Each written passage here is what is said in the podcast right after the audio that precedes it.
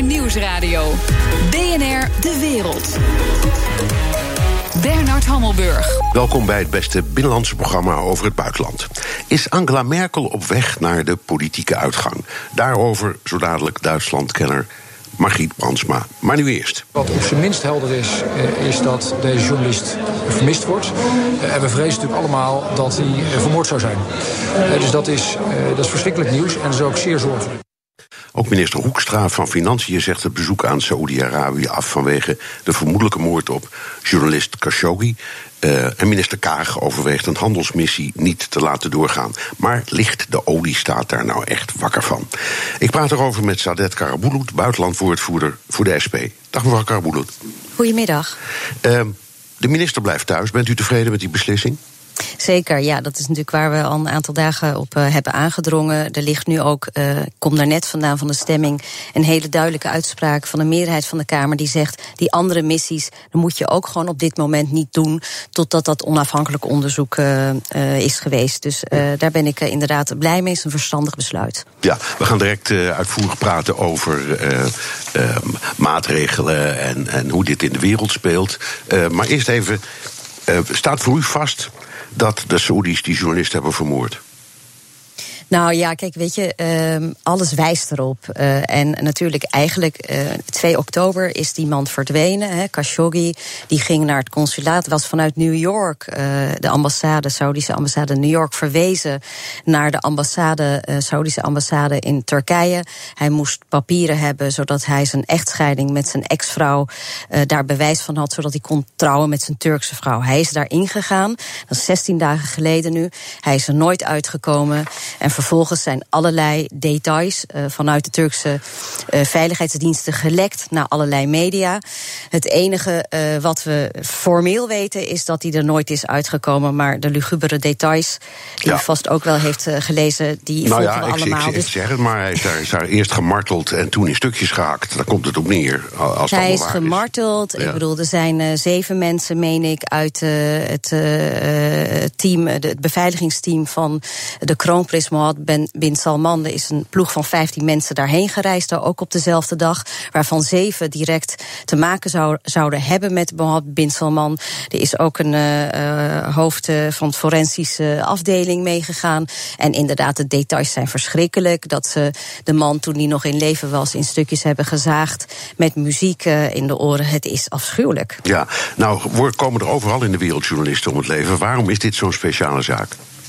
Nou, ik denk een aantal dingen. Uh, Saudi-Arabië, uh, daarvan weten we dat inderdaad uh, dit niet de enige moord is. er worden al drie jaar lang bijvoorbeeld gaan de kinderen in Jemen dood vanwege een hele kwalijke rol die Saudi-Arabië daar speelt in de oorlog. Saudi-Arabië die heeft afgelopen jaar helaas ook aan de ene kant een PR-show uitgevoerd, namelijk dat ze hervormingen doorvoerden. Ja, de vrouwen mochten vrouwen, rijden en, en, de islam werd wat milder en nou, de vlag ging uit. De vlag ging uit. Exact. En, maar tegelijkertijd zijn dus de belangrijkste vrouwenrechtenactivisten direct na die hele campagne opgepakt. En die zitten nog steeds vast. Um, maar dit, dit heeft natuurlijk zoveel aandacht omdat het um, ja, zo ongelooflijk uh, wreed is en bruut is. En uh, op het moment dat je hiervan ook zegt, nou, He, eigenlijk kijken we de andere kant op. Ja, dan is toch het einde zoek. En het is een groot land, het is een machtig land. Het land heeft natuurlijk innige relaties met de VS. Ja, en dat trekt aandacht, gelukkig ja. maar, zou ik zeggen. Waarom zouden de Saoedi's dit op deze manier doen? Wat, wat, wat, want wat winnen ze daar nou mee? Nou ja, de Saudis staan er natuurlijk op zich al jarenlang onbekend dat ze dissidenten op verschillende manieren uitschakelen. Um, uh, nou ja, laten, we, laten we man en paard noemen. Er is in, in Riyadh een, een plein dat is bijgenaamd Chop Chop Square. En daar worden mensen met de sabel onthoofd in het openbaar. En de beul is een soort cultfiguur die als uh, speciale gast in talkshows optreedt. Dus het, het, het gaat zogezegd tamelijk openlijk. Het gaat, uh, nou ja, dat, dat is inderdaad. Maar daarom, daarom, ook, daarom ook de vraag: waarom maken we ons nu plotseling veel drukker dan anders? Omdat het heel zichtbaar is geworden. Kijk, weet je, u en ik, wij maken ons waarschijnlijk al een aantal jaren druk. En in de Kamer heb ik tal van voorstellen gedaan om maatregelen te nemen tegen Saudi-Arabië. Maar omdat dit nu voor, eh, eh, zeg maar voor de ogen van de wereld gebeurt. En het uh, zeg maar volgt op de afschuwelijke oorlog in Jemen, waar ook steeds meer beelden vandaan komen. En het een grootmacht is die nogmaals hele sterke banden heeft met een aantal machtige landen. En iedereen ook inziet dat uh, het uitschakelen van critici, het monddood maken van journalisten op deze manier iets heel afschuwelijks is, heeft het dit effect. En ik hoop dat het niet alleen maar uh, bij dit effect blijft en nu wat bezorgd worden, maar dat er eindelijk echte stappen worden gezet. Ja. Um, eh, nou, in, ik, ik, in de sfeer van maatregelen, maar ik vrees okay, het ergste. Nou, man en paard, noem ze maar. Wat moet je? Nou ja, kijk, wat, wat sowieso moet gebeuren is natuurlijk dat er eindelijk een wapenembargo moet worden ingesteld tegen uh, Saudi-Arabië. We weten dat, eh, met name voor uh, de rol die ze spelen in Jemen, um, de Houthis, de andere kant en Iran vanuit de VN, is daar natuurlijk een wapenembargo. Voor Saudi-Arabië niet. Dat is raar. Twee, vanuit Europa worden er ook, en niet alleen de Verenigde Staten heeft een miljardendeal, maar vanuit Europa worden er ook ook wapens geleverd. Spanje had recent besloten om uh, geen wapens meer te leveren, net als Duitsland. Wij ook, hè, trouwens, een tijdje geleden, meen ik. Een, een paar jaar geleden heeft Nederland ook besloten om, uh, wat Saudi-Arabië betreft, terughoudend te zijn met wapens. Ja, ja, daar kom ik zo nog op. Maar in ieder geval deze twee landen, Duitsland en Spanje, dat is zeer recent gebeurd. Maar onder druk van de Saoedi's, en het Verenigd Koninkrijk levert ook heel veel, maar onder druk van Saoedi's heeft men dat besluit weer ingetrokken. Nederland die heeft inderdaad uh, al een aantal jaar is dat debat ook gaande in de Tweede Kamer. Gisteren is een duidelijke motie aangenomen waarmee Rutte en uh, Blok aan de slag moeten in Europa om te komen tot een wapenembargo.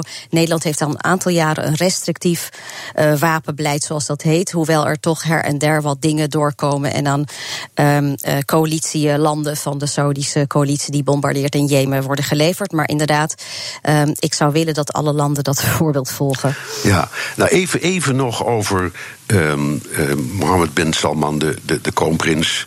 Uh, flamboyante man, 33 jaar, uh, die dus in geval de schijn wekte dat hij echt dat land een, andere koers wilde laten varen. En er gebeuren ook dingen. Er wordt een hypermoderne stad gebouwd in de woestijn, uh, economie minder afhankelijk maken van um, olie. Uh, en het is misschien allemaal maar vreed, maar gebeuren daar ook als je het omdraait toch wel dingen waarvan u zegt: het land verandert een beetje. Of zegt u nee, er is eigenlijk geen sprake van? Het is Eigenlijk allemaal, zie ik alleen nep. maar eigenlijk zie ik alleen maar een verslechtering. Er is een PR-show die sloeg een tijdje aan. En kranten begonnen erover te schrijven. Hij was zo hip. Hij ging naar New York, Parijs, weet ik veel wat allemaal. Met zijn jetset. En hij zou vrouwen de rechten geven. Dat was echt een PR-show waar ze volgens mij ook nog heel veel geld in hebben gestoken. Maar wat er ondertussen is gebeurd, is dat ze uh, op steeds redere wijze gewoon doorgaan met de oorlog in Jemen. Waardoor de grootste humanitaire ramp is. En het land uh, geen toegang heeft tot voedsel, omdat die haven wordt geblokkeerd. En uh, er uh, kinderen uh, sterven van de honger. En als het zo doorgaat, wordt dat de grootste hongernood aller tijden. Anderzijds um, hebben ze dus de mensenrechtenactivisten opgesloten. U weet dat na zijn aantreden hij allerlei critici en of Ja, die gingen allemaal in, in een luxe hotel. Ja, ja en daarna, ja, en, en daarna die, heeft hij de Libanese exact. premier gekidnapt. Nou, en, niet alleen, niet alleen IS, u zei het zelf al, maar ook Mohammed Ben Salman die hakte handen en hoofden af. En nu dit. Dus ik heb daar weinig van gemerkt. En natuurlijk zijn er een aantal cosmetische zaken, maar het gaat hier um, helaas om grotere geopolitieke en economische belangen die op de achtergrond en de regionale verhoudingen spelen. Wat maakt dat bijvoorbeeld een land uh, zoals de Verenigde Staten en Trump, die heeft ook uh, afgelopen week twintig minuten lang met Mohammed bin Salman uh, aan de telefoon gehangen en daarna Pompeo erheen gestuurd. En ja, hij herhaalde letterlijk de woorden van bin Salman, namelijk het uh, moeten rough killers, uh, rogue killers geweest zijn. Dus uh, eigenlijk uh, moordenaars van buitenaf, bandieten, uh, waar het regime niks mee te maken heeft. En dat heeft alles te maken met een miljardendeal aan wapens, om 10 miljard. Maar natuurlijk ook de geopolitieke invloed van de VS en Saudi-Arabië tegenover Iran. En daar speelt Israël en Palestina dat vraagstuk op de achtergrond ook ja, mee. Iran is een beetje de lachende derde hier, hè? Ehm, ja, of. Want nou, of, is ja. nou, nou, nou is plotseling iedereen boos op Saudi-Arabië en Iran, hoor je helemaal niet meer. Ja, Iran, hè, daar is inderdaad even de aandacht vanaf. Maar je weet niet wat hiervoor in de plaats gaat komen. En aan de andere kant natuurlijk ook waar Turkije, wat heel opmerkelijk is. Wat ik mij afvraag is waarom hebben de Saoediërs gekozen voor uh, Turkije? En Turkije, uh, ja, die, die doet net alsof het in een ander land is gebeurd. Die nou ja, misschien, allerlei... misschien, omdat, misschien omdat Turkije Qatar een beetje steunt op de achtergrond. Nou ja, ja, nou ja, daar heeft het ongetwijfeld ook mee te maken. En Turkije die maakt denk ik nu Erdogan van de nood een, een deugd, om het maar zo te noemen, als je dat zo mag noemen. Uh, dit zie je ook dat, dat die uh, op de een of andere manier vanuit de veiligheidsdiensten ook inderdaad allerlei informatie lekken naar grote kranten. Uh, terwijl, uh, nogmaals, 16 dagen later er eigenlijk formeel nog niks is. En, nee. en, en, je moet weten dat de CIA, de Mossad, de Turkse MIT, allerlei veiligheidsdiensten, ja, dat die nu nog steeds de feiten niet boven water zouden hebben. Nou, ik waag het te betwijfelen. Ik ook. Zo dadelijk. Ligt Saoedi-Arabië nou echt wakker van een paar CEO's en ministers die niet op hun woestijnfeestje komen? BNR Nieuwsradio. BNR De Wereld. Mijn gast Sadet Karabulut, buitenlandwoordvoerder voor de SP. En we praten natuurlijk over Saudi-Arabië. Secretary of State Pompeo is going to be back. Uh, he went to Turkey, he went all over. And uh, he's going to have a full report. I'm not giving cover at all. Uh, with that being said, Saudi Arabia has been a very important ally of ours in the Middle East. De Amerikaanse president Trump loopt duidelijk op eieren in de zaak Khashoggi.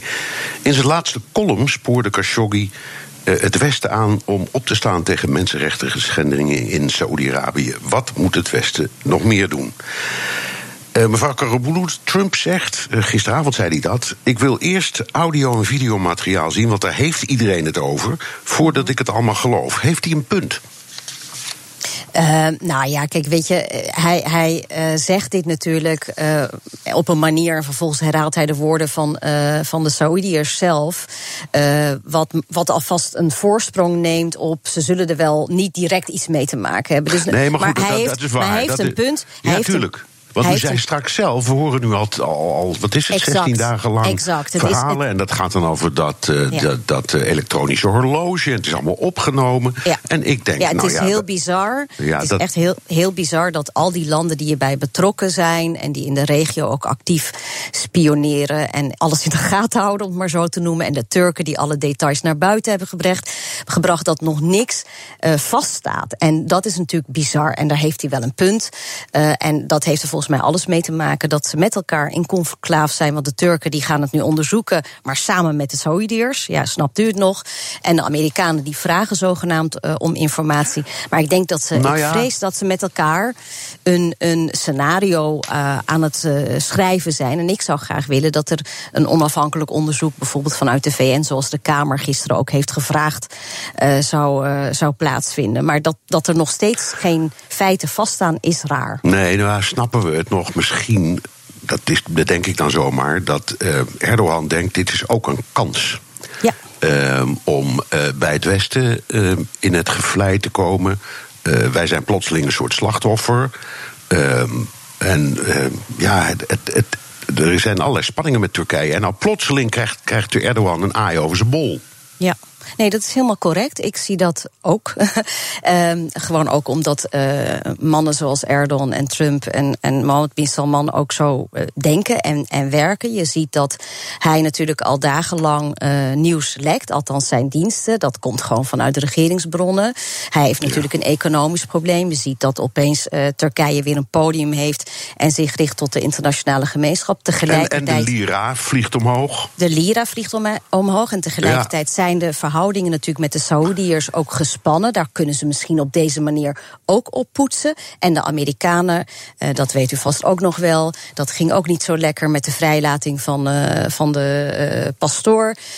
en dit hele Meneer gebeuren, Brunson, ja, meneer maar ja, die lag, Brunson, een, uur, een uur lang lag hij wel, een uur later lag hij wel te bidden aan de voeten van Donald Trump in de ovale kamer. Ja, dat doen gelovigen, geloof ik. Ja, ja oké. Okay. maar, maar dat alles bij elkaar, dat is natuurlijk inderdaad, hij, hij ge, gebruikt uh, graag, hij maakt van deze kant uh, graag gebruik om het imago op te poetsen. Ja, um, nou, u had het er al over. Een, een derde van de Amerikaanse wapenexport gaat naar Saudi-Arabië. En Amerika is veruit de grootste wapenexporteur ter wereld. En Trump zegt die deals blijven overeind, want het gaat over enorm veel uh, werkgelegenheid. Is dat niet de crux van het verhaal? En geldt dit soort argumenten niet net zo goed voor andere landen, of het nou om wapens gaat of om andere hele grote handel? Ik, ik denk dat dat niet de crux zou moeten zijn, maar ik vrees wel dat dat de realiteit is, inderdaad. Dat uh, de deals, en hij zegt het openlijk, onbeschaamd. Kijk, eh, zo iemand als Obama, uh, die had daar misschien nog een mooi verhaal omheen verteld. Uh, en, ja, nou, die hele grote wapendeal waar iedereen het nu over heeft, van wat is het, 110 miljoen dollar. Ja, is... Dat is helemaal niet waar, want dat is voor het grootste deel door Obama gesloten. Nou ja, weet je, Obama had in die zin ook een goede relatie met Saudi-Arabië en de internationale gemeenschap die weet al jaren wat ze aan het doen zijn. Dus dat is inderdaad een heel belangrijk punt. Ook voor grote landen in Europa. Het Verenigd Koninkrijk, ik volg dat nauwgezet. Daar is een groot debat gaande, ook in de samenleving. Omdat uh, dat gewoon Britse bommen zijn die ook in Jemen worden ingezet. Ik noemde al uh, landen als Duitsland en uh, Spanje. Dus dat speelt zeker een rol. Maar ik denk dat ook zeg maar het ge gedeeld vijandschap tegenover Iran en de invloed in de regio niet onderschat moet worden. Als mede natuurlijk de oplossing die Israël en Trump voor ogen hebben voor uh, Israël en Palestina. Dat speelt allemaal mee in het geen afstand willen nemen. En of wat eigenlijk zou moeten gebeuren, namelijk de straffeloosheid tegengaan. Uh, en het regime uh, aanpakken met maatregelen. Ja, nou even toch nog naar, Trump en, ja. en zijn boodschap. Trump praat altijd tegen zijn achterban. ook in deze kwestie, denk ik. En uh, Trump zegt tegen die achterban: jullie banen zijn belangrijker dan een aan mootjes gesneden journalist. Daar komt het toch op neer? Ja. Zo zou je dat inderdaad, uh, zo, zo wrang is dat. Ja. ja, en geldt dat niet ook voor, u noemt Spanje, u noemt het Verenigd Koninkrijk, sorry, andere landen um, die ook grootschalig handel drijven. Uh, wij doen dan niet meer aan wapens, maar. Het is, het is uh, snoeihard, is... het is hypocriet, het is wegkijken voor schending van het internationaal recht, waar we daar. He, nou ja, neem, neem als voorbeeld Rusland. Wanneer die illegaal de Krim binnenvalt, is het terecht dat we maatregelen treffen. Dat blijft allemaal uit bij Saoedi-Arabië. Ja, maar goed, laten we het omdraaien. Er is. Uh, eh, de, de, en ik vind, laat dat duidelijk zijn voor zover het u nog niet duidelijk was. Ik vind dit echt de wereld op zijn kop. Ja, ook op de langere termijn. Ook op de langere termijn. Ik bedoel, ze hebben het allemaal over veiligheid en stabiliteit in de regio. Als er één land is dat bijgedragen heeft aan de instabiliteit, bijvoorbeeld ook in Syrië door het bewapenen van jihadisten, dan is dat Saudi-Arabië wel. Houd toch eens op. Oké, maar u zegt de wereld op zijn kop. Ik pak dat beeld graag over. Hoe moet het dan wel? Dat heb ik net ook al geprobeerd een beetje over te praten. Laten we een voorbeeld nou nemen. Een voorbeeld. Thales een voormalig Nederlands bedrijf, maar het is nog steeds in Nederland, het is inmiddels in Franse handen. Maar goed, het levert uh, gewoon aan Saoedi-Arabië. Um, moet je daarmee stoppen? Ja, vind ik wel. En, We hebben en Shell, Shell. Ja. Ik noem maar wat. Ik noem er zomaar een paar op. Uh, de grote, grote partijen die daar in de olieindustrie zitten. Of noem het allemaal maar op. Moeten die eigenlijk allemaal zeggen. Boeing, Airbus. Moeten die gewoon zeggen. We stoppen eens even met jullie. De wereld zou uh, er heel veel mooier uitzien. En ik denk dat we heel veel problemen zouden kunnen op, oplossen. wanneer er grote multinationals die grote invloed hebben. zich zouden houden aan mensenrechten. Wij zijn er allemaal aan gebonden. Staten zijn gebonden aan internationaal recht. En daar zouden uh, bedrijven zich ook aan gebonden moeten houden. We weten dat het niet zo werkt. Dus daarom ben ik ook heel erg voor het VN-verdrag. Uh, wat grote bedrijven verplicht tot het zich houden en, en actiever toetsen. Want zijn natuurlijk al allerlei regels voor. Uh, ja, ik, ik, vind, ik vind dat zij uh, zeker een grote verantwoordelijkheid hebben. En ook iets van moraal in de markt kan geen kwaad, toch? Nee, maar goed, maar wat u als Kamerleden doet. Uh, en vandaag bijvoorbeeld weer heel actief is zeggen. Um, we vragen de ministers niet te gaan. We, we applaudisseren als ze dat ook echt doen. Uh, we willen politieke signalen geven. Maar praat u ook met ondernemers? Um, gaat, zegt de Kamer ook, jongens, kom dan eens bij ons langs. Kunnen we daar samen een strategie over ontwikkelen? Of, nou, of is dat allemaal naïef en uh, dromen en gebeurt dat allemaal toch niet? Nou, het is, het is zeker niet naïef. Er is niks mis met dromen. Maar die dromen moet je najagen en uh, omzetten in concrete acties. Als je dat niet hebt, dan kun je beter met z'n allen direct stoppen. Vandaag bijvoorbeeld over Thales uh, is heel heb ik heel duidelijk gevraagd: uh, minister, roep hen op. En misschien hebben ze het wel gehoord om niet te gaan. Neem die verantwoordelijkheid. Er zijn natuurlijk grote bedrijven zoals Google en een aantal grote banken die de trip volgende week naar Riyadh hebben afgezegd. Twee um, ja, er zijn uh, ook gesprekken met bedrijven in de Tweede Kamer op verschillende vlakken. Of het nu gaat om de financiële sector of om mensenrechten. En drie, uh, ik ben nooit te beroerd om goede ideeën of wanneer bedrijven daar open voor zouden staan om daarmee in gesprek te gaan. Alleen het punt is dat er nu ook gehandeld moet worden. En ik denk dat deze hele druk op dit moment, want iedereen is geschrokken.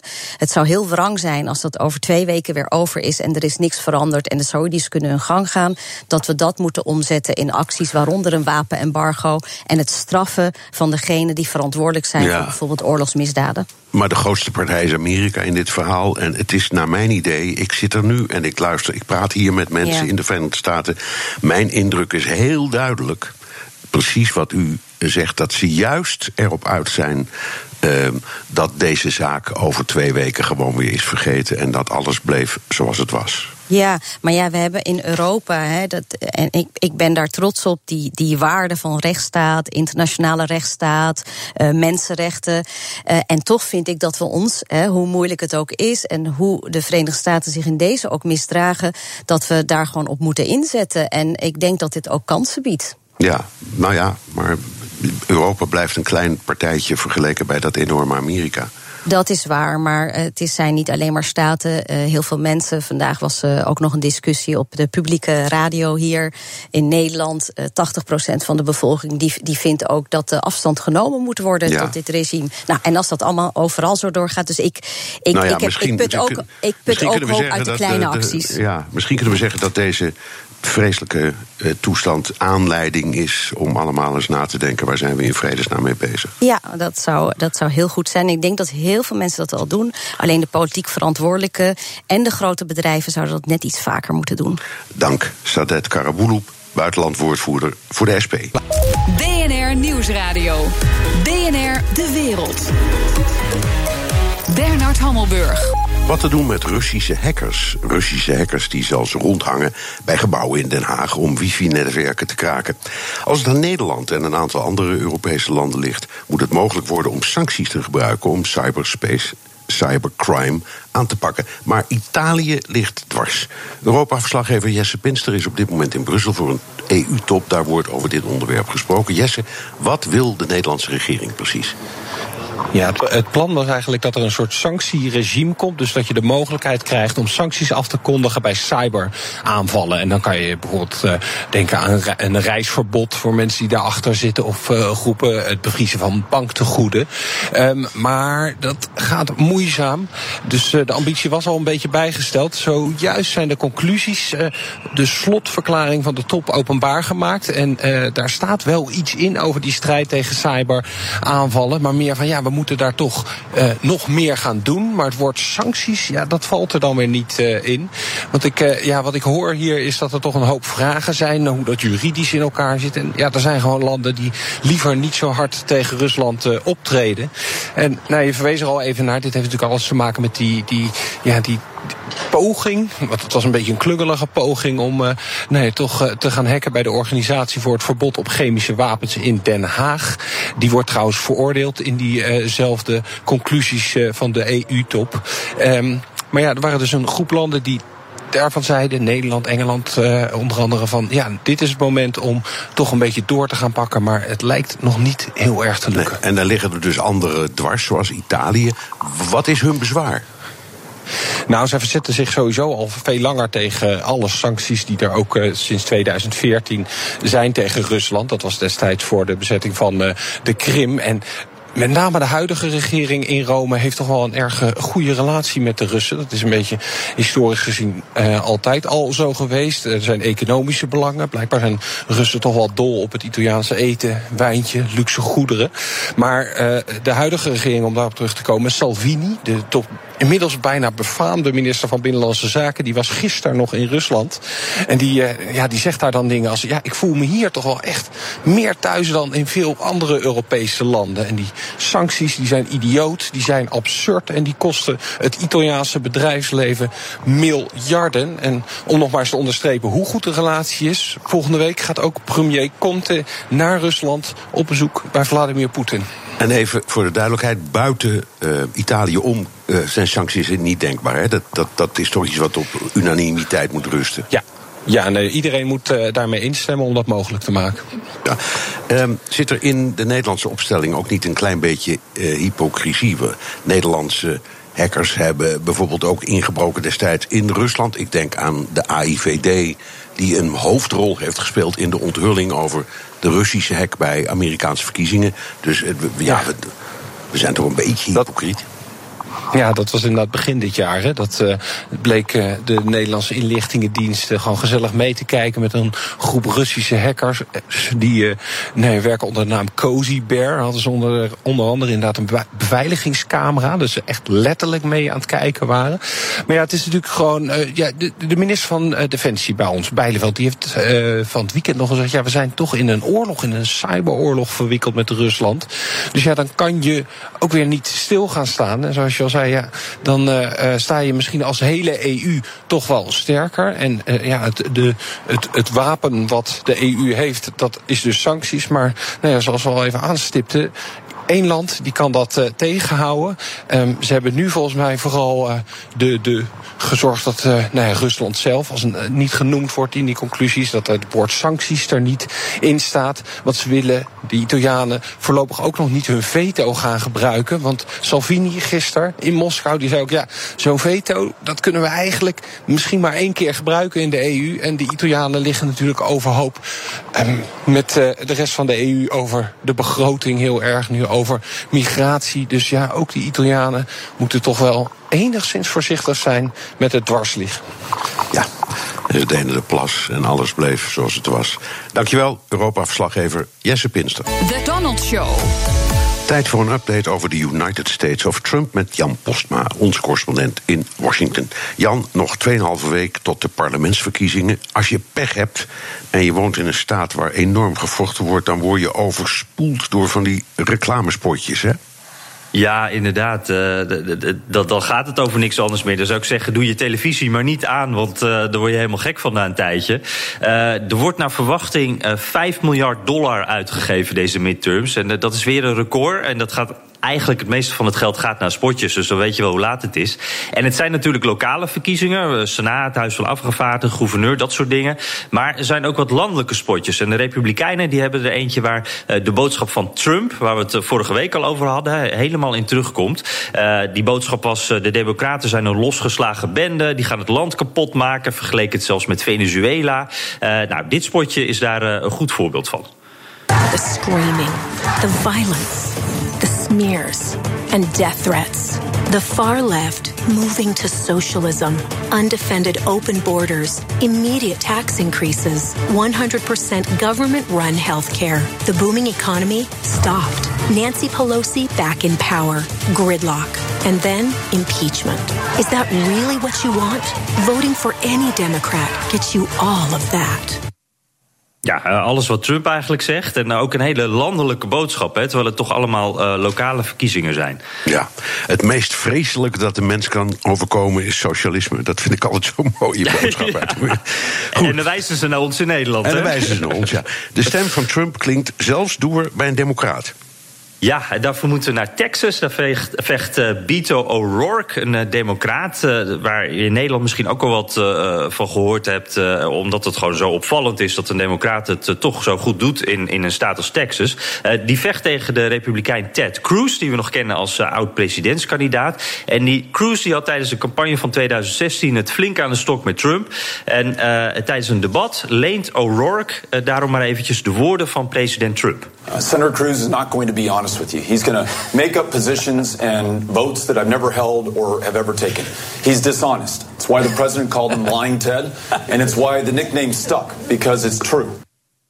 Ja, dus uh, weer de aanvalslijn van Trump, die eigenlijk gerecycled wordt door een democraat, not notabene. En het is niet de eerste keer, want er is ook een billboard in Texas met erop een uh, ja, wat vervelende tweet van Trump gericht aan Cruz. Daarin uh, zegt Trump: Texas heeft eigenlijk geen reden om Cruz te vertrouwen. Nou, die staat dus ook ergens in, in Texas. Dus ik denk de tegenstanders van Cruz die zijn heel dankbaar voor het materiaal van de president. Ja, wat mij nou zo opvalt, Jan, is dat je altijd denkt: ik zie niemand zeggen ik ben zo goed, stem voor mij. Het zijn allemaal attack ads van die negatieve spotjes over je tegenstander.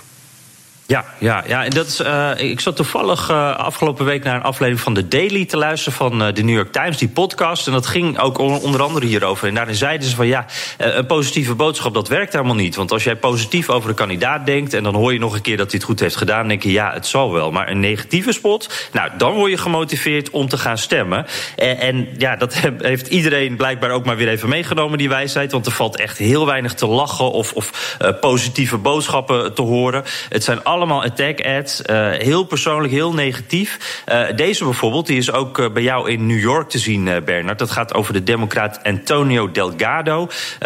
dat is nu een, een kandidaat, politieke ambities, maar het was ooit een rapper. En in dit filmpje van de Republikeinse Partij worden woorden van de kandidaat afgewisseld door teksten van een rapalbum dat hij ooit maakte. I'm an attorney, fighting for what's fair and just. Gotcha, sweating this like you have a sex to a porno flick. We owe it to our country to restore the American dream. Criticize is what a patriot does. God bless our rap, bless our rap, bless our rap, bless our rap. Who am I? I'm Antonio Delgado. Ja, je hoort hem ook nog even zeggen: God bless Iraq. Nou, dat is wel controversieel natuurlijk. Uh, er is veel kritiek op deze spot, want er, zit ook uh, nogal een, racistische ondertoon in. In. In die rapbeelden zie je donkere gemaakte beelden van Delgado. en aan het eind ook een donkere foto van hem in een hoodie.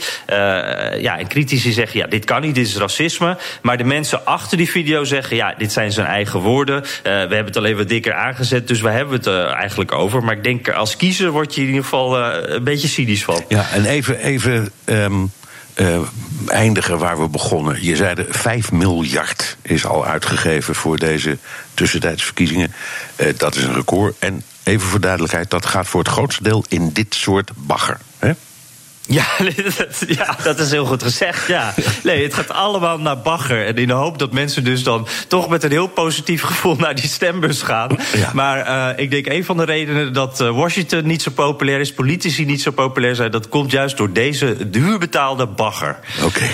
dankjewel. Correspondent Jan Posma vanuit Washington. En zo dadelijk zijn de dagen van Merkels regering geteld. BNR Nieuwsradio. BNR De Wereld. Het wordt een hete herfst voor de Duitse bondskanselier Angela Merkel. Und da müssen wir einfach im Rückblick auf die Regierungsbildung und die letzten zwölf Monate feststellen, dass da viel Vertrauen verloren gegangen ist. Das gilt auch für die Unionsparteien, von denen man erwartet, dass sie gemeinsam agieren. Merkels regeringscoalitie moet een groot verlies van het CSU in Beieren verwerken. En dat zorgt voor nieuwe vragen over de houdbaarheid van de kanselier. Is dit Merkels Helmoet Kool-moment?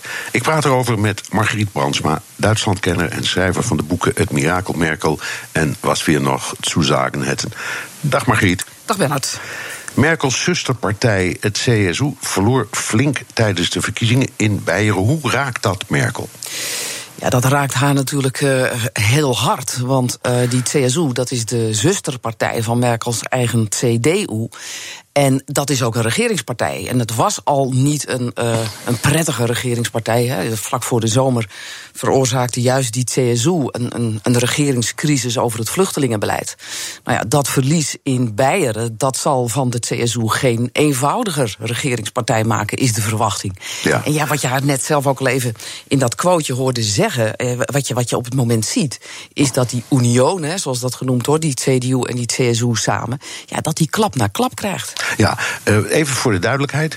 Uh, zolang er geen, begrijp ik het goed, zolang er geen landelijke verkiezingen zijn, blijft die CSU-CDU-coalitie formeel gewoon doorgaan. Hè? Nou ja, tenzij de CSU zou zeggen: wij stappen uit deze regering. Precies, als ze er zelf uitstappen, ja, natuurlijk. Er, ja. Als ze er zelf uitstappen, dat kan. Het is niet zo dat, nu ze, dat, dat het geen zelfstandige partij is. Nee, de CSU zou als conclusie uit dat slechte resultaat van zondag kunnen trekken: we stappen eruit. Ja. Ja, ja, en er is een regel dat als een kabinet valt, het altijd is door een regeringspartij, waar ook in de wereld. Dus wie weet. Nou goed, eerst even de volgende. Ja. Uh, de, de verkiezingen in Hessen. Daar staat vooral Merkels eigen CDU centraal. Kun je zeggen dat Beijer een soort opstapje was naar deze echte hele grote show? Ja, dat, dat kun je inderdaad wel zeggen. Kijk, gek genoeg, want uh, heeft, heeft Merkel op Beieren niet zo gek veel grip. Ja, gek genoeg zeg ik, omdat de CSU natuurlijk een christendemocratische partij is. Maar zoals net geschetst, het is wel een zelfstandige partij. En heel veel CS-oers hebben met Merkel niet zoveel op. Nou ja, nu uh, over anderhalve week op zondag verkiezingen in een andere deelstaat, in Hessen inderdaad. En ja, dat wordt echt wel heel erg belangrijk voor het voortbestaan van, van de, de grote coalitie van de regering Merkel hoe dat gaat uitpakken. De want, want, want, want even duidelijk, Hessen is een CDU-staat, hè? Ja, Hessen is, de, daar is het, eh, de, de, de CDU op dit moment de grootste. Daar regeert de CDU ook, samen met de Groenen. En wat je ook ziet, als je nu even naar de agenda van Angela Merkel krijgt, kijkt... ze is eigenlijk in die deelstaat met, met bijvoorbeeld belangrijke steden... als Wiesbaden en Frankfurt am Main alleen maar onderweg. Juist ook om ervoor te zorgen dat er uh, over anderhalve week... niet weer zo'n dreun wordt uitgedeeld in dit geval door de kiezers in Hessen. Ja. Um, wat zijn de verwachtingen? Zijn er peilingen? Zien we uh, verschuivingen? Hoe gaat het daar met Ja. de Groenen? Hoe gaat het daar met de Alternatieven voor Duitsland? Hoe, hoe, hoe ziet het beeld eruit? Nou, dat, dat is inderdaad eh, heel erg interessant. Want die peilingen die, die wijzen eigenlijk op een voortzetting van de lijn Beieren. En dat betekent verlies voor de Christendemocraten. Er is toevallig net vandaag een peiling eh, verschenen voor Hessen. Verlies van de Christendemocraten met 12 procent maar liefst. Zou nog Zo. net wel de grootste blijven. Ehm, de Groenen worden ook daar heel groot, 22 procent. En ook een grote klap voor de, de Sociaaldemocraten. Dus eigenlijk, als je, als je nu naar de peilingen voor Hessen kijkt... dan kunnen ze alle drie eh, nog wel de grootste worden. Even, even, even voor de duidelijkheid, de Alternatieven voor Duitsland, hoe staan die ervoor daar? Die eh, komen daar op zo'n eh eens even kijken, op zo'n 10, 12 procent is de verwachting. Ja. Dat valt in die zin mee. Dat valt dan nog ietsje mee. Ja, dat, dat zie je toch. Dat zie je op het moment sowieso wel. Dat de groei van die AFD wat stagneert. Ik moet daar wel bij zeggen dat de AFD bij de vorige verkiezingen in Hessen de, de kiesdrempel van 5% niet heeft gehaald. Nee, dus er is oké. wel sprake van, Als- van groei. Het meest opmerkelijke wat ik je hoorde zeggen is de SPD, de Sociaaldemocraten. Ehm, die maken deel uit van die grote coalitie met Merkel. Is dat de Achilleshiel van Merkel? Ja, weet je, dat is, dat is dus het, het, ongelooflijk interessante van die verkiezingen in Hessen. Want eigenlijk zou je kunnen zeggen, zijn daar twee Achilleshielen voor Merkel. Haar eigen partij zou eigenlijk, moet, moet daar wel de grootste blijven eigenlijk. En ehm, eh, eh, zou een, een niet al te grote klap moeten krijgen. Want gebeurt dat, dan heeft Merkel heibel in de eigen tent. Maar het is inderdaad, daar heb je helemaal gelijk in... ontzettend belangrijk ook om te zien... wat er met de Sociaaldemocraten in Hessen gebeurt. En die staan dus op een fix verlies. En waarom is dat zo belangrijk? Het is inderdaad de coalitiepartner van Merkel. En het broeit in die SPD. Die SPD die zegt, we verliezen overal. Heeft het eigenlijk wel zin dat we landelijk in een regering zitten? Dus de, de, het zou zomaar zo kunnen zijn dat... Ja, misschien valt het mee voor Merkels eigen partij... maar als de klap voor de SPD groot genoeg is... dan is de kans heel groot dat die partij gaat overwegen... om uit die grote coalitie te stappen. En Is het een, is het een beetje een Partij van de Arbeid lot? Ja. Het, het, het, het betalen voor het, reageren, voor het regeren met een conservatieve partij. Dat, dat speelt absoluut een rol. Wat je nu in Duitsland ziet, dat, dat, dat hebben we natuurlijk in veel eh, Europese landen gezien. Dat de grote volkspartijen uit elkaar. Eh, Of, of kleiner worden, moet ik zeggen. Nou, dat geldt voor de SPD in, in, Duitsland al een tijdje. En wat in die SPD ook speelt, is dat er heel veel mensen ontzettend verlangen naar een vertrek van Angela Merkel. En waarom is dat? De Ang- Angela Merkel heeft van haar christendemocraten, van haar CDU, eigenlijk een beetje een linkse partij gemaakt. Dus de SPD kan zich niet meer profileren. Ze zitten eigenlijk ontzettend te wachten bij de Sociaaldemocraten op een andere leider bij die christendemocraten. En die zal naar alle waarschijnlijkheid, nou eigenlijk vrijwel zeker, conservatiever zijn dan Angela Merkel. Merkel dat was. En dat geeft de SPD de mogelijkheid om zich ook weer wat meer te profileren. Dat lukt die SPD niet naast Merkel. Nee, oké, dit, dit geeft aanleiding tot een heleboel vragen. In de eerste plaats, ze, ze, is nu aan de, de vierde kabinet bezig. Hè? Um, heeft ze nog wel mandaat? Of begint ze dat langzaam te verliezen? Nou ja, je hoorde het haar net zelf ook al zeggen. De, de, de regeringspartijen verliezen uh, heel veel kiezers. En natuurlijk, het zijn deelstaten, maar het is natuurlijk wel een weerspiegeling van de politieke stemming in het land. Dus um, haar voorganger Gerhard Schreuder heeft op een gegeven moment ook gezegd, die was van de SPD, die heeft op een gegeven moment ook gezegd in 2005, nadat uh, zijn partij ook klap op klap kreeg, van heb ik eigenlijk nog wel genoeg steun? En hij heeft toen vervroegde verkiezingen uitgeschreven. Ik denk niet dat Merkel dat van plan is, maar dat beide partijen zich moeten afvragen als ze inderdaad zo'n dreun ook weer in hersen krijgen van zijn, hebben wij nog wel genoeg steun om door te gaan? Ja, dat staat buiten kijf. Ja, nou ja, je kan je voorstellen, het geldt voor elke leider.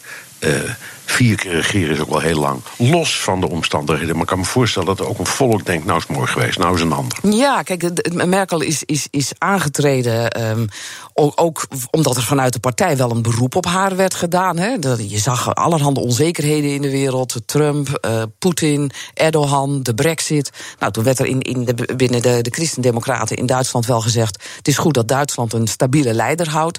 Maar ja, we zijn nu een jaar verder. En, en wat je ziet is dat het ja, toch eigenlijk niet zo'n hele goede keuze is geweest. Heel eerlijk is eerlijk, ook, ook, ook de rest van Europa wilde het wel heel graag. Ja, nee, het was niet alleen. Ze, was, nee, ze was natuurlijk toch een beetje. Ja, Nee, daar heb je helemaal gelijk. Het was niet de, de vraag uit haar, alleen uit haar eigen partij, maar, maar ook vanuit Europa. En zelfs Obama op afscheidstournee door Europa heeft toen nog gezegd... als ik in Duitsland zou kunnen stemmen... dan zou ik absoluut op Merkel uh, kiezen. Ja. Dus, ja, dus... Nou, oké. Goed, ze is twee dingen. Ze is, uh, ze is uh, bondskanselier en ze is partijleider. Nou komt er een partijcongres aan. Wordt ze herkozen? Nou, kijk, dat, dat in, in, in die zin is Hessen ook nog wel even heel belangrijk. Want ze moet zich eerst nog maar kandidaat stellen. Dat heeft ze officieel nog niet gedaan. En ik denk dat ze ook Hessen afwacht wat dat betreft. Um, als ze zich kandidaat staat. Kijk, Merkel is geen, geen uh, vrouw voor uh, uh, zeg maar grote risico's. Dat doet ze niet. Dus ze stelt zich alleen kandidaat als ze zich verzekerd weet van behoorlijke steun in de partij. Dus dat, dat, dat is echt een kwestie op dit moment van, van koffiedik kijken. Merkel heeft wel gezegd, en dat maakt de kwestie ook wel weer heel erg interessant, dat als je bondskanselier bent, dat je ook de baas in je eigen partij moet zijn. Ja, dat kan ik me voorstellen. Ja, dus, ja. dus um, die, die dingen hangen wel heel erg met, met elkaar samen. Want ja, stel dat ze zich niet kandidaat stelt, ja, dan, dan heb je onmiddellijk het debat over haar tussentijdse opvolging. Dat, dat barst los, dat kan niet anders.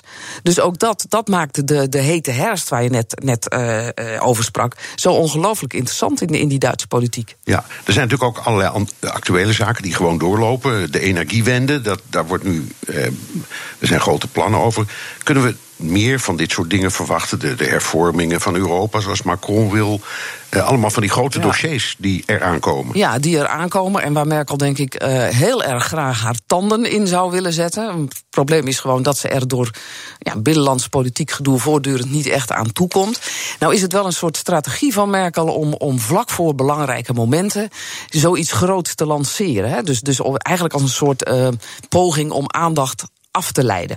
Dus het zou zomaar kunnen dat er wat dat betreft. En dan, dan zou je inderdaad nog het meest verwachten dat er een, een, een Europees dossier of iets dergelijks op tafel komt. Want juist in die internationale politiek scoort Merkel ook in haar eigen land heel goed. Dus het zou goed kunnen dat ze nog. Nou, voor Hessen wordt de tijd krap, maar dat ze de komende weken zich nog wel op een of andere manier heel nadrukkelijk gaat manifesteren. Want onderwerpen, je hebt helemaal gelijk, onderwerpen genoeg. Ja, zij was een protégé van Helmoet Kool. He, zo, zo is een beetje ja. uh, naar boven gekomen. Uh, die moest op een bepaald moment toch op een beetje. Ja, die ging af op het laatst. Daar komt het gewoon op neer. Zie jij een soort herhaling bij deze vrouw? Nou ja, kijk, de herhaling die je in ieder geval ziet. is dat ze uh, een, een, een periode te lang zijn doorgegaan. Het is ook wel opmerkelijk dat, dat Merkel inderdaad die vierde periode heeft gewild. Omdat ze over Merkel of over uh, Kool wel eens heeft gezegd... vier periodes was te lang. Zijn, hij, was, hij was een beetje opgebruikt in die vierde periode. Ze doet het nu zelf ook. Dus in die zin zie je absoluut wel parallellen. Um, Helmoet Kool heeft toen, is toen eigenlijk... hij heeft, heeft verkiezingen verloren... en heeft om die reden het veld moeten ruimen... Um, dat hij, dat hij natuurlijk zo'n zo, ja, een beetje negatief in de geschiedenisboeken terecht is gekomen, is vanwege dat omkoopschandaal wat eind jaren negentig toen de CDU overigens al in de oppositie zat, uitbrak. Of Merkel de volgende verkiezingen haalt. Ja, heel eerlijk gezien, ik moet het nog zien. Ja, en bovendien zal ze zich dan niet. Want ik kan me niet voorstellen dat Merkel beschikbaar is voor een vijfde termijn. Nee, dat begrijp ik. Maar goed, eh, eventjes een hele simpele, tot slot. Duitsers zijn geen moppersmurven. Eh, en het gaat hartstikke goed in Ja. Duitsland.